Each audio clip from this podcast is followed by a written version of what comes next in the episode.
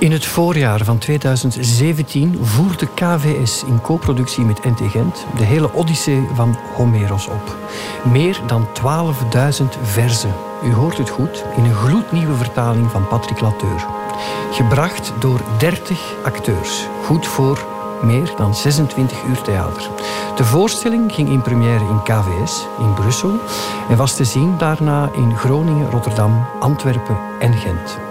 Het epische verhaal, dat bijna 3000 jaar oud is, werd voor het eerst volledig opgevoerd in het Nederlands.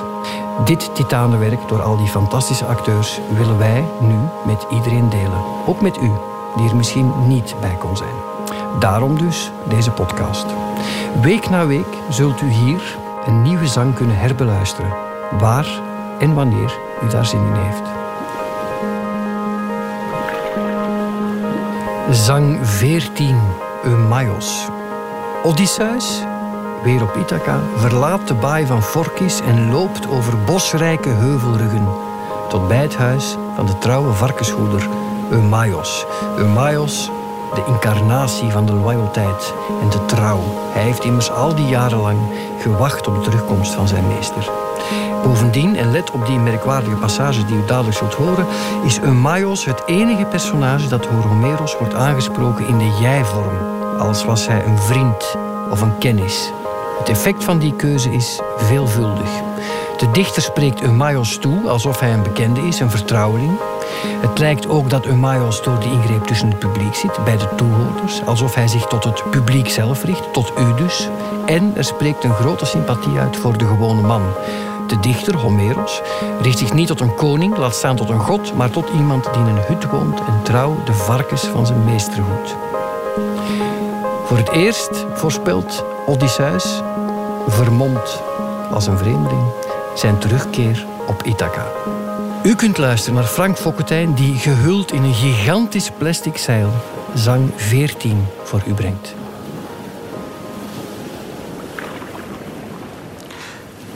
Ook Odysseus verliet de baai en ging door een bebost gebied langs een ruw pad omhoog, van heuveltop naar heuveltop. Hij trok naar het verblijf dat Pallas aanwees, van de voortreffelijke zwijnenhoeder die zorg droeg voor zijn eigendom, het best van alle slaven die de goddelijke held Odysseus eertijds verworven had. Hij trof hem aan, gezeten voor zijn huis, waar hij op een beschutte plek voor zich een hoog gelegen vooraf had gebouwd, die mooi en groot was. Eromheen een muur. Hij had hem voor de varkens van zijn heer, die weg was, zelf gebouwd. Zijn meesteres wist niets, ook niet de oude man Aertes. De stenen had hij aangesleurd van elders. Een doorne vlechtwerk kwam er bovenop. De buitenkant had hij voorzien, aan de beide zijden, van een onafgebroken rij talrijke dicht aaneengesloten palen, waarvan de eikenbast was afgehouden. Binnen de voorhof waren er twaalf hokken, dicht bij elkaar, de slaapplaats voor de varkens. In elk hok lagen vijftig zeugen neer, ze waren opgesloten voor de kweek. De mannelijke zwijnen sliepen buiten, veel minder in getal. Hun aantal slonk steeds door feestende en godgelijke vrijers. De hoeder moest hen altijd weer het beste der vetgemeste varkens sturen. 360 zwijnen waren er. Er sliepen bij die dieren steeds vier honden.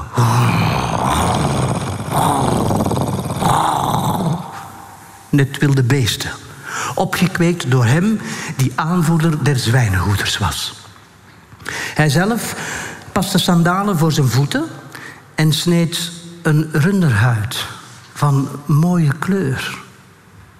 Drie van zijn knechten waren net vertrokken, her en der, telkens met een kudde varkens. De vierde had hij naar de stad gestuurd met tegenzin, om de verwaande vrijers een varken te bezorgen dat geslacht werd, om met dat vlees zich te verzadigen.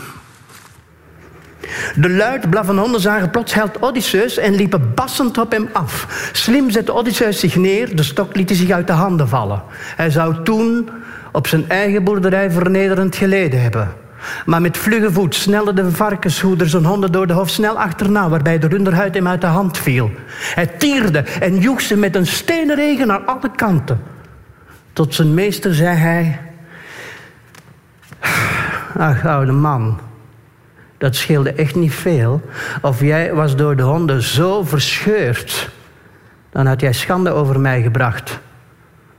De goden gaven mij voldoende leed en pijn. Ik zit hier jammerend en treurig, weeklagend om mijn godgelijke meester. Ik mest zijn varkensvet voor vreemde tafels en hij mist wellicht ergens eten, dwaalt door landen, steden met een vreemde taal. Althans, als hij nog leeft en zonlicht ziet. Maar volg me, vadertje. Kom, kom. Kom binnen in mijn hut. En als je naar hartelust verzadigd bent van wijn en voedsel, zeg mij dan eens van waar jij komt.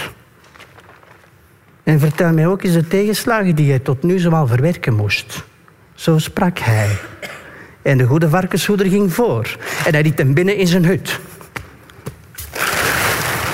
Hij spreidde dichtbegroeide twijgen uit legde daarop een grote dichtbehaarde huid van een ruig behaarde wilde bok.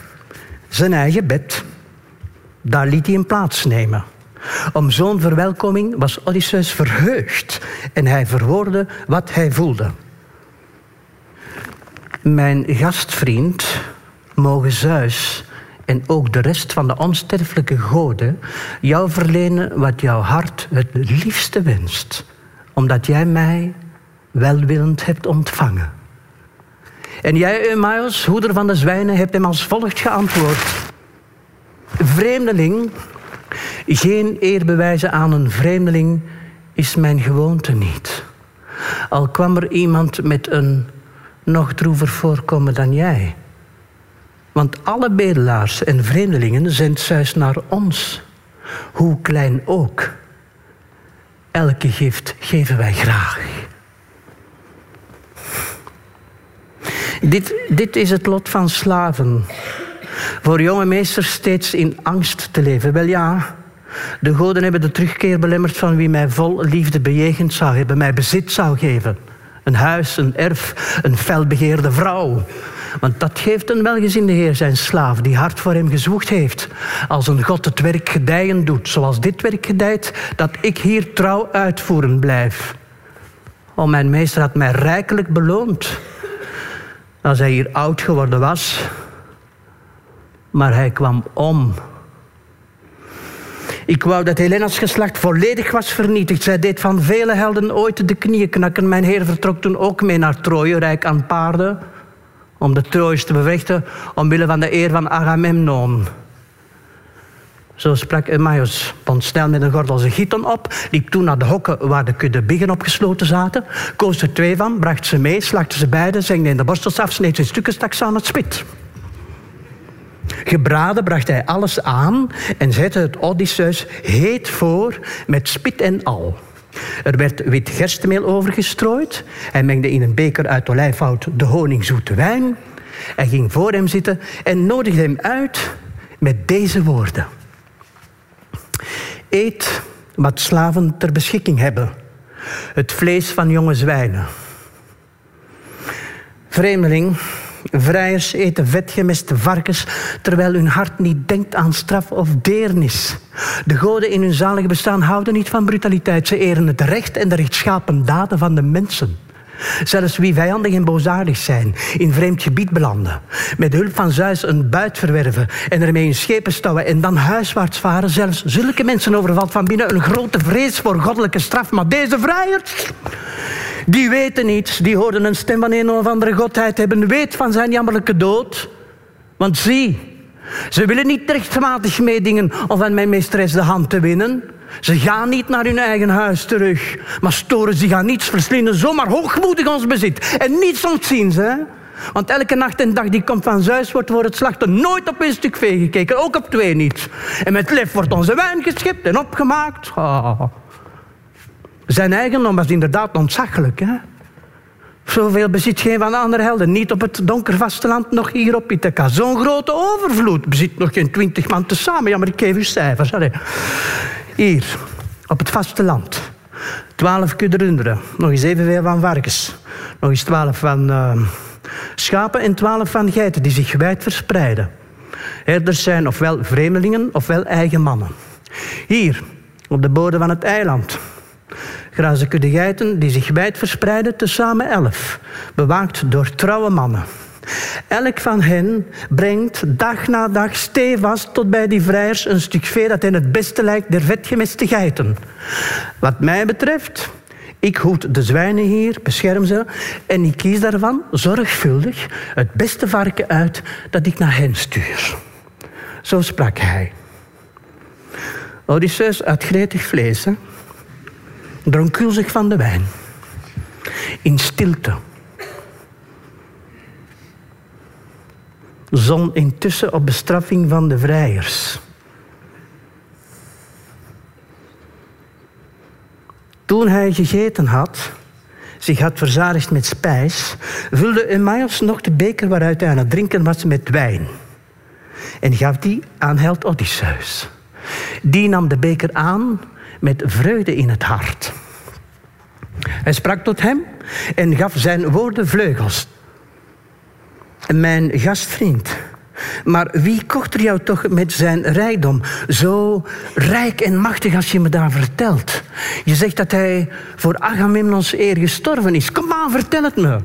Misschien ken ik wel zulk een machtig iemand. Vermoedelijk weet Zeus het wel. Net als de rest van de onsterfelijke goden. Of ik hem soms ooit zag. Ik zwierig veel rond. En of ik jou iets over hem kan zeggen. Hem antwoordde het hoofd der zwijnenhoeders: Ach, arme man.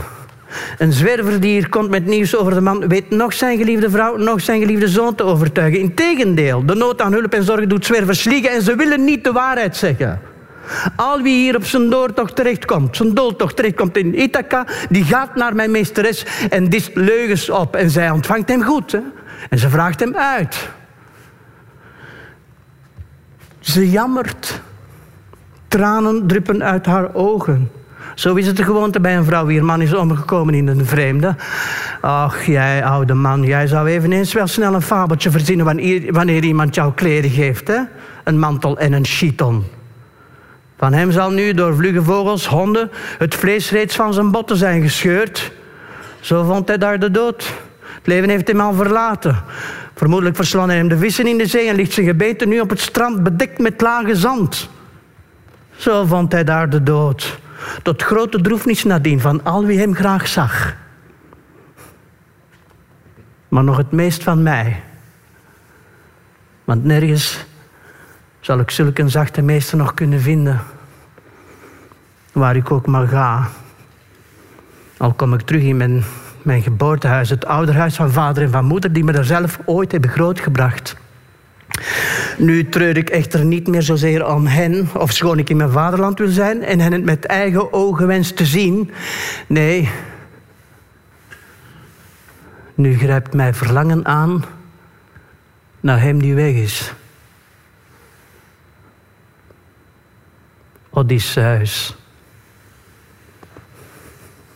Zijn naam schroom ik te noemen, zelfs in zijn afwezigheid.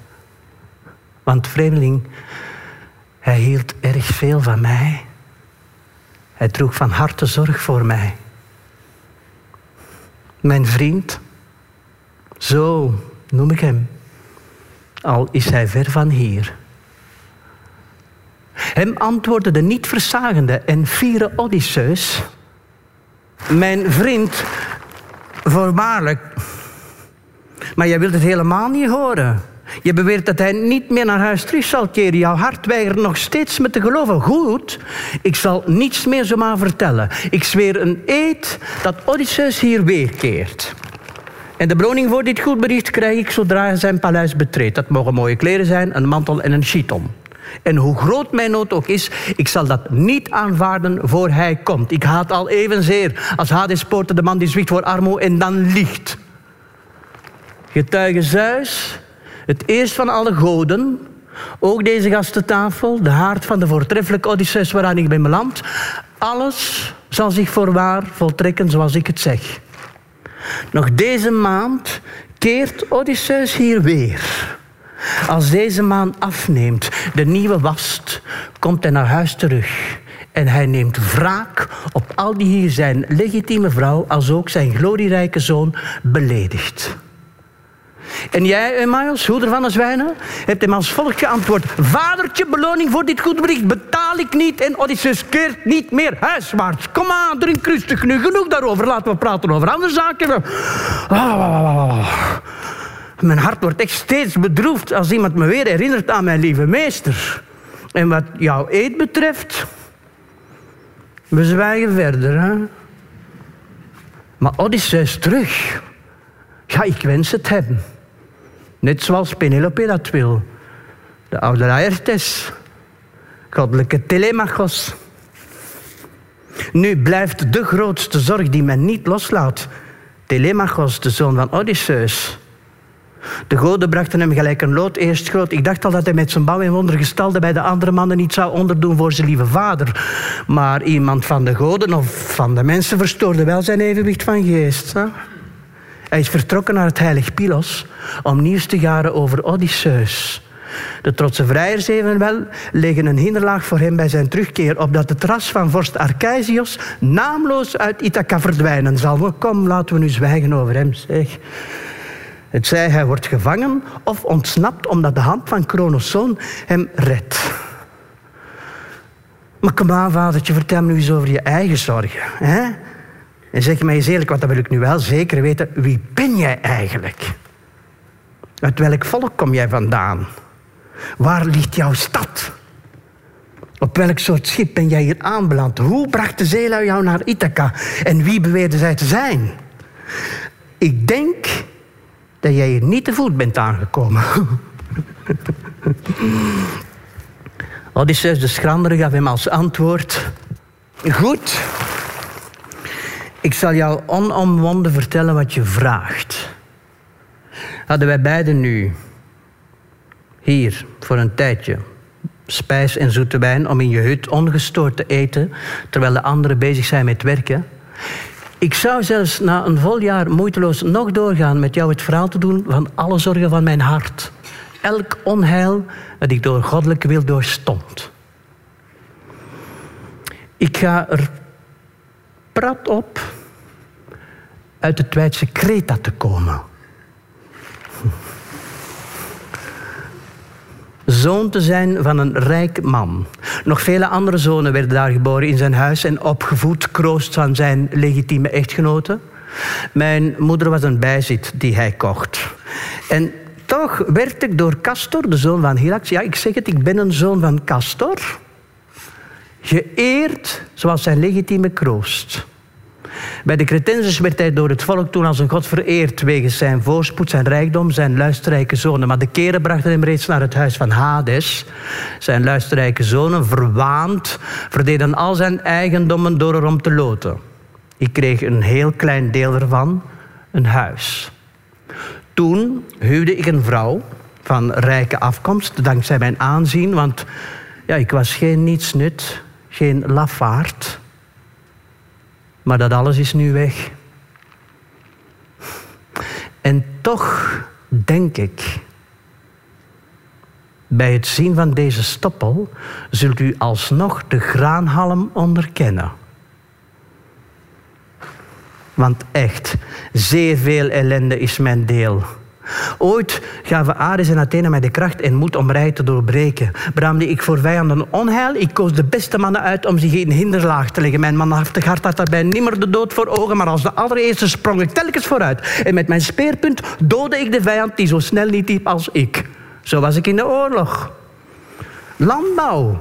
Zorg voor de huishouding die knappe kinderen bezorgt, dat heeft me nooit kunnen bekoren. Nee, ik hield altijd al van schepen, van het varen, Oorlogen, gladgeschaafde lansen, pijlen, rampzalig tuig dat anderen in paniek brengt. Die liefde gaf wellicht een God me in. Ja, een ieder vindt zijn vreugde in iets anders. Hè? Nog voor de Achaiërs landen op Troje voerde ik al negenmaal soldaten aan op snelvarende schepen die tegen vreemde volken optrokken. Zo viel mij telkens heel veel buiten in handen, daarvan koos ik wat mij verviel. Later verkreeg ik nog veel doorloting. Zo nam mijn, mijn vermogen nam snel in omvang toe. En zo werd ik gevreesd en ook geëerd door de Cretensers. Toen Zeus de vorst met luide, de, de god met luide donderstem de hatelijke tocht bedacht, de knieën van vele helden zou doen knakken, vond men dat ik de vloot naar Troje leiden moest. Met de vermaarde vorst Idomeneus. Onmogelijk te weigeren. Gepraat van mensen oefenen eh, zware druk uit. Hè? Wij zonen der Achaiërs voerden negen jaar oorlog. De stad van Priamos hebben wij in het tiende jaar verwoest. We zijn toen weggevaren, maar een God verstrooide wel de Achaiërs onderweg. Voor mij, ellendig man, beraamde Zeus in al zijn sluwheid onheil. Slechts één maand bleef ik genieten van mijn kinderen, mijn legitieme vrouw en mijn vermogen. Daarna spoorde mijn hart mij aan met zorg een vloot te vormen om Egyptewaarts te varen. Met mijn godgelijke makkers. Ik rustte negen schepen uit. Het bootsvolk kwam snel bijeen. Zes dagen lang aten mijn trouwe makkers. Ik bezorgde hen heel veel dieren als een offer voor de goden. En ook om zich een maaltijd te bereiden. De zevende dag gingen we aan boord. Met Boreas, die mooi en hevig woei, voeren we van het Weidse Kreta weg. Makkelijk, als met de stroming mee. Geen enkel schip van mij liep averij op. We zaten veilig, waren niet zeeziek. Door wind en stuurlui werd de vloot gericht. De vijfde dag bereikten wij de vloed van de Egyptos met zijn snelle stroming. De schepen met gekromde stevens gingen voor anker in de stroom. Mijn trouwe makkers gaf ik bevel te blijven om de vloot daar te bewaken. En ik stond verspieders om plekken te gaan zoeken met een uitkijk. Mijn mannen echter zwichten voor de drang. Geweld te plegen volgde hun begeerte. En plotseling verwoesten zij de mooie akkers van de Egyptenaren, beroofde vrouw met kleine kindjes. Mannen doden zij. Het gehuil bereikte snel de stad. Men hoorde het geschreeuw. Bij dageraad stroomde men toe. De hele vlakte vulde zich met voetvolk, met wagens, met het flikker van het brons. En Zeus, die met de bliksemslinger wekte een heilloze paniek onder mijn mannen. Niet één durfde nog weerstand te blijven bieden, want hen omgaf langs alle kanten onheil. Het scherpe brons heeft velen van ons daar gedood. De rest werd levend meegevoerd. Ze zouden dwangarbeid voor hen verrichten.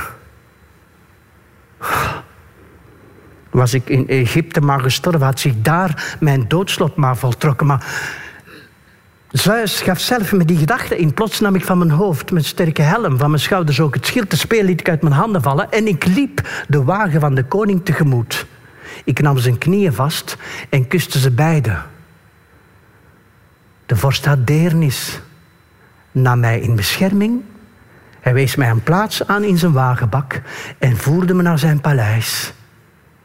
Ik weende, want ja, een massa stormde op, op mij af met essenhouten speren erop uit me om te brengen. Zo groot was in woede, maar hij weerhield ze. Voor de wrok van Zeus had hij ontzag. Want Zeus beschermt het gastrecht. Hij ergert zich aan wandaden het meest. Daar bleef ik zeven maanden vergaarde bij de Egyptenaren heel veel schatten, want ik ontving van iedereen geschenken. Toen met het wendel der jaren ook het achtste aangebroken was, dook daar een man op uit Venetië. Een schelm, bedreven in bedriegen en die al veel kwaad had aangericht. Hij overtuigde me met sluwheid, nam me mee tot we Venetië bereikten, waar zijn bezit en huis gelegen waren. Daar bleef ik een volledig jaar bij hem. Maar na verloop van dagen en van maanden, toen met de voortgang van de jarige tijden ook het jaar voorbij was, bracht hij mij aan boord van een zeeklievend schip naar Libië. Hij spiegelde me listig voor dat hij met mij daarheen een lading zou vervoeren. Maar in werkelijkheid wilde hij mij daar verkopen en zo enorm veel geld aan mij verdienen. Ik ging dus met hem onder dwang aan boord, ondanks mijn achterdocht. Snel voor het schip, door Boreas die mooi en hevig gewoei, in volle zee voorbij de kust van Kreta. Maar voor de Feniciërs stond Zeus op onheil. Maar Kreta lag achter ons, er was geen ander land te zien, alleen maar lucht en zee. Toen Kronos zoon een zwarte wolk stond vlak boven ons schip. Onder de wolk verduisterde het oppervlak der zee. En Zeus liet meteen de donder horen, wierp zijn bliksem op het schip, dat door Zeusvuur getroffen trilling ging van voor tot achter en ook door zwaveldampen werd gevuld. De bootslui vielen allen uit het schip, gelijk aanscholvers werden ze gedragen op de golven rond het zwarte schip. Zo heeft een godheid hen de thuiskomst afgenomen. Mijn hart werd overmand door leed, want ik kreeg van Zeus zelf die enorme lange mast van het vrachtschip donkerblauw van Steven in handen om de dood weer te ontkomen. Ik sloeg mijn armen om de mast en werd gedragen door verderfelijke winden zo'n negen dagen. In de tiende zwarte nacht brachten grote wintelgolven mij aan land in het gebied van de Tesproten. Daar ving held Feidon, vorst van de Tesproten, me zonder kosten op. Want uitgeput door koude en vermoeidheid vond zijn zoon me daar. Hij, bracht me, hij gaf me steun met zijn armen en bracht me naar zijn vaders huis, waar hij mij kleedde. Hij wierp rond mij een mantel en een chiton. En daar hoorde ik iets over Odysseus.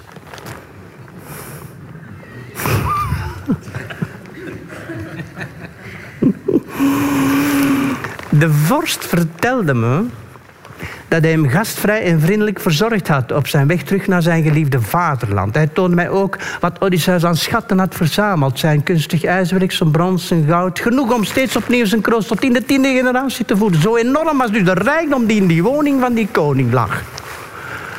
Hij zei dat Odysseus toen naar Dodona vertrokken was om de wil te vernemen van Zeus uit de goddelijke eik met hoog gebladerte. Hoe keerde hij weer naar het vrije land van Ithaca, waar hij toch lang afwezig was.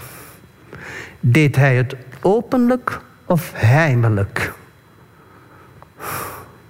Terwijl de vorst plengde in zijn huis in mijn aanwezigheid, heeft hij gezworen dat men een schip in zee getrokken had en dat de bemanning klaar stond om hem naar zijn geliefde land te begeleiden.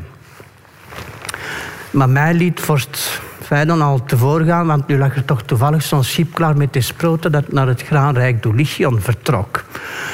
Hij gaf zijn mannen opdracht mij met zorg naar vorst Acastos te geleiden.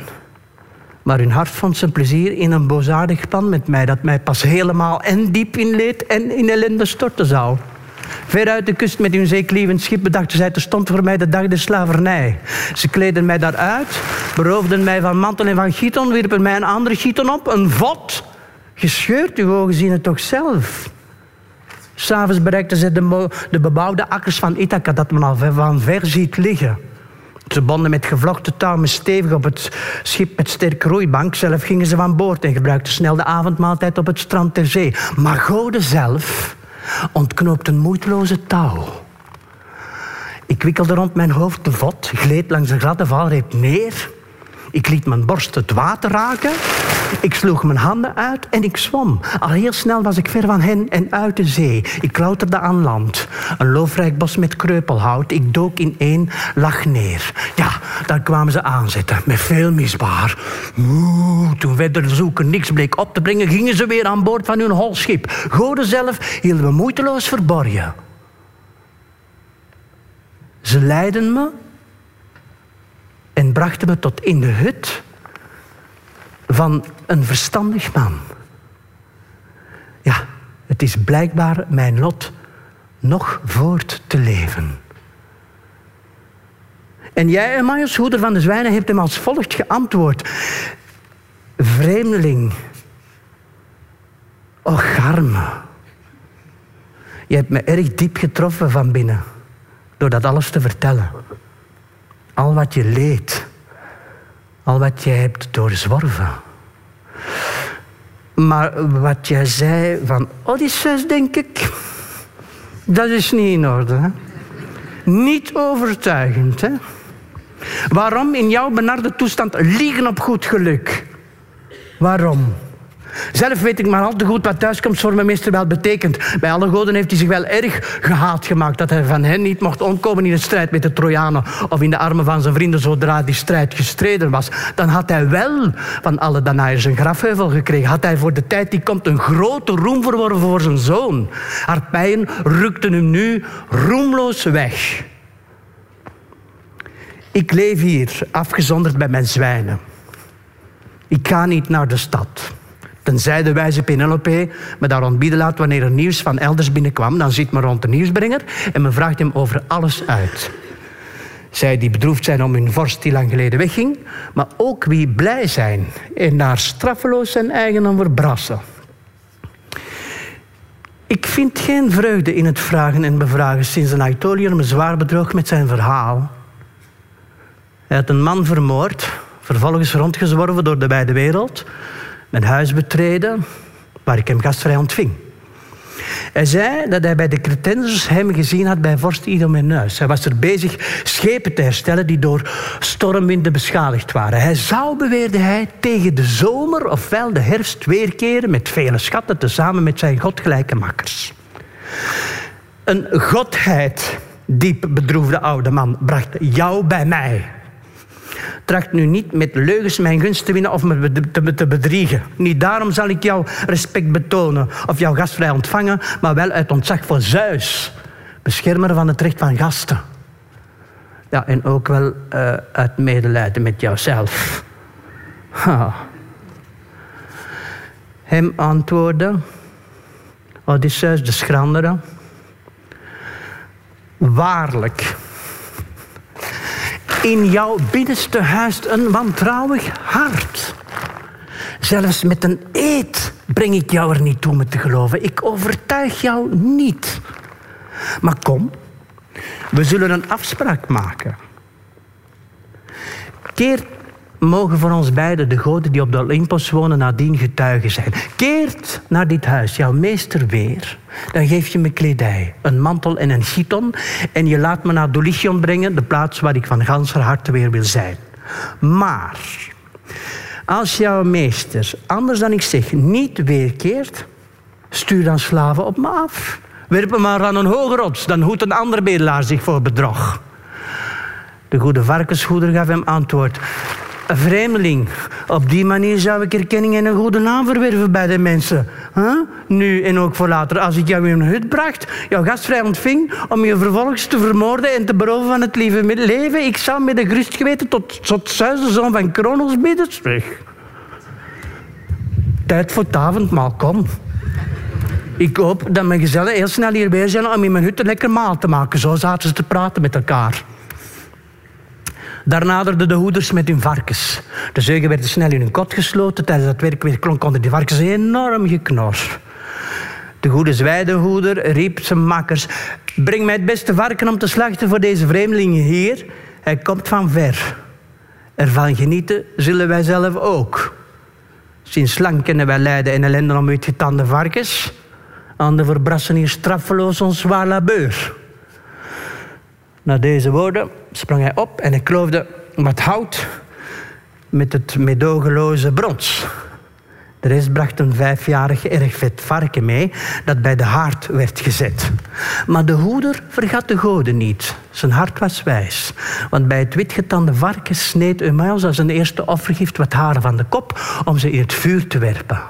Hij bad tot alle goden dat Odysseus de sluwe held snel zou mogen weerkeren naar zijn eigen huis. Hij hief zich hoog op en sloeg toen toe met zo'n stuk eikenhout dat bij dat kloven opzij gelegd was. Hoef. En het zwijn was dood. Het everzwijn werd door de rest uh, gekeeld en afgezengd. Men sneed het snel in stukken. De varkenshoeder legde op twee lagen vet rauwe brokken vlees uit alle leden gesneden, strooide gerstenmeel erop, toen wierp hij alle stukken in het vuur. Het overige vlees verdeelde men in porties, stak die aan het spit om ze zorgvuldig te braden, trok ze daarna van de speten om ze bijeen te leggen op de schotels. Nu stond de zwijnhoeder op om voor te snijden. Ja, beter als een ander wist hij hoe dat gebeuren moest. Dus hij sneed alles in zevenen en verdeelde het. Terwijl hij een gebed uitsprak, werd één deel opzij gelegd voor Hermes, de, zoon van Maya, nog eentje voor de nymfa, en van de rest kreeg één ieder iets. Odysseus vereerde hij met het lange rugstuk van het witgetande ever. Daarmee maakte hij zijn meester blij. Tot hem sprak Odysseus de schrandere. Eumaios, dat je vader Zeus even dierbaar mocht zijn als mij. Met goede gaven vereer je mij in mijn benarde toestand. En jij, Eumaios, varkenshoeder, gaf hem antwoord. En je zei, vreemdeling, getroffen door het noodlot, eet. Geniet van wat hier ligt. Want na believen zal God het ene schenken en iets anders dan weer ontzeggen. Hij kan immers alles. Zo sprak hij.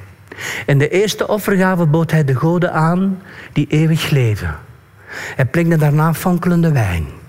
Hij bood Odysseus, verwoester van de steden, een beker aan in zijn handen. Hij ging daarna neerzitten bij zijn eigen maal dat klaar lag. Mesalius bediende hem van brood. Ja, op eigen houtje had de hoeder hem aangeworven. Zijn meesteres wist niks. Hè? Ook niet de oude man Aertes. Van Tavius had de Mesaulius gekocht en wel uit eigen middelen. Ze strekten snel hun handen uit naar de spijzen die waren klaargemaakt en voorgezet. Zodra honger en dorst waren gestild, verwijderde Mesaulius dat brood. Van vlees en brood verzadigd, haasten ze zich om zich neer te leggen en te rusten.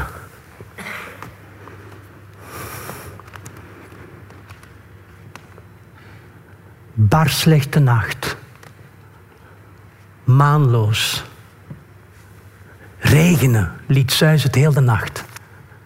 En hevig blies de westenwind die altijd regen brengt.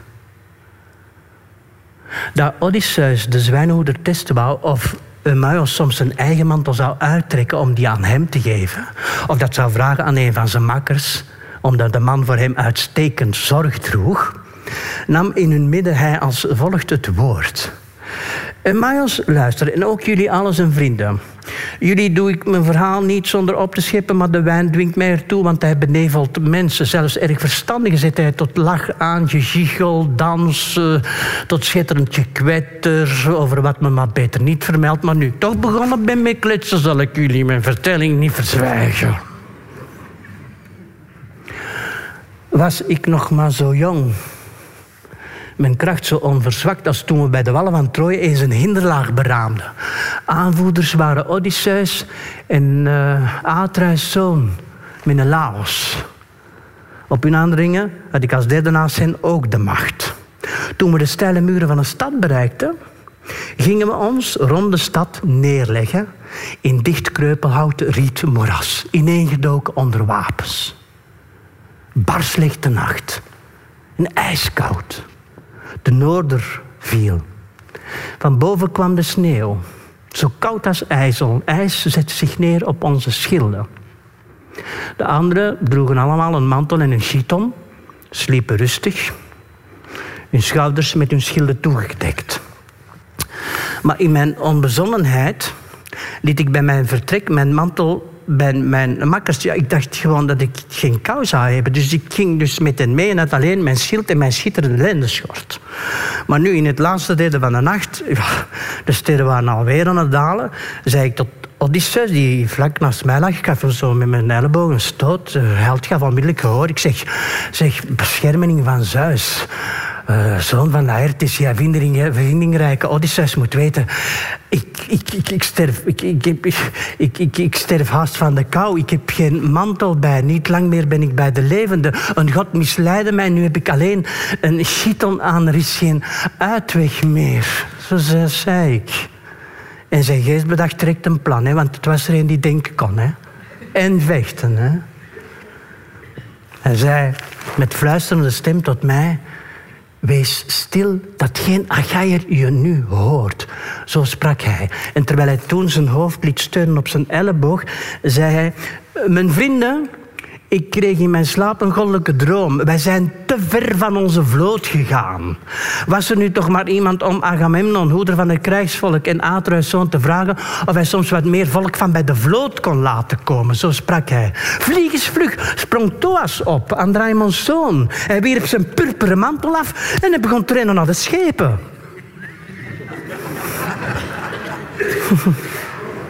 maar wel, zo lag ik tot mijn grote vreugde in zijn mantel. Tot Eos op haar gouden troon verscheen. Was ik zo jong nog maar, mijn kracht zo onverzwakt, dan zou een varkenshoeder in deze hut me zeker wel zijn mantel geven.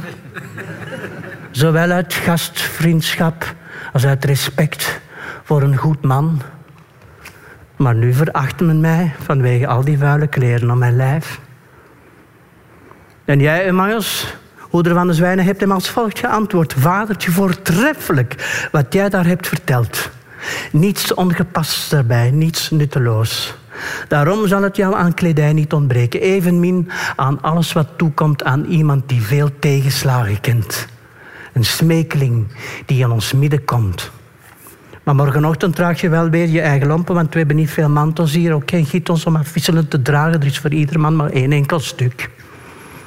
Maar komt de lieve zoon van Odysseus terug, dan zal hij zelf jou wel wat kleren geven, een mantel en een chiton, en hij laat jou gaan waarheen jouw hart ook maar verlangt. Na deze woorden sprong Eumaeus op en hij plaatste bij het vuur een bed. Hij wierp er een paar huiden op van schapen en van geiten. Daar legde Odysseus zich te rusten. De zwijnenhoeder wierp over hem nog een grote dikke mantel die hij doorgaans als extra kleding bij zich droeg op dagen dat vreselijk stormweer op zou komen zetten.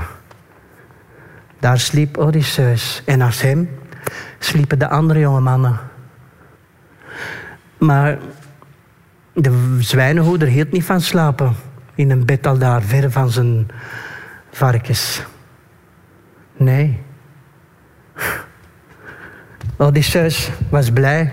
Hij ging weg en nam zijn wapens onder het weggaan. Odysseus was blij dat hij zich zo bekommerde om zijn eigendom. Emas ging naar buiten. Hij wierp eerst om zijn sterke schouders zijn zwaard. Hij trok een mantel aan van dikke wol, nam van een grote vettigheid ook nog een vacht mee. Hij greep een scherpe speer om vijanden en honden af te weren. Hij ging naar buiten om zich neer te leggen, waar onder een gewelfde rots zijn varkens met witte tanden sliepen, op een plek beschut tegen de koude noordenwind. Deze podcast is een samenwerking van KVS, Radio 1, uitgeverij Atheneum Pollak en Van Gennep en vertaler Patrick Lateur. In 24 afleveringen hoor je hier de volledige Odyssee van Homeros, waar en wanneer jij dat wil. Meer informatie vind je ook via kvs.be en natuurlijk ook radio1.be.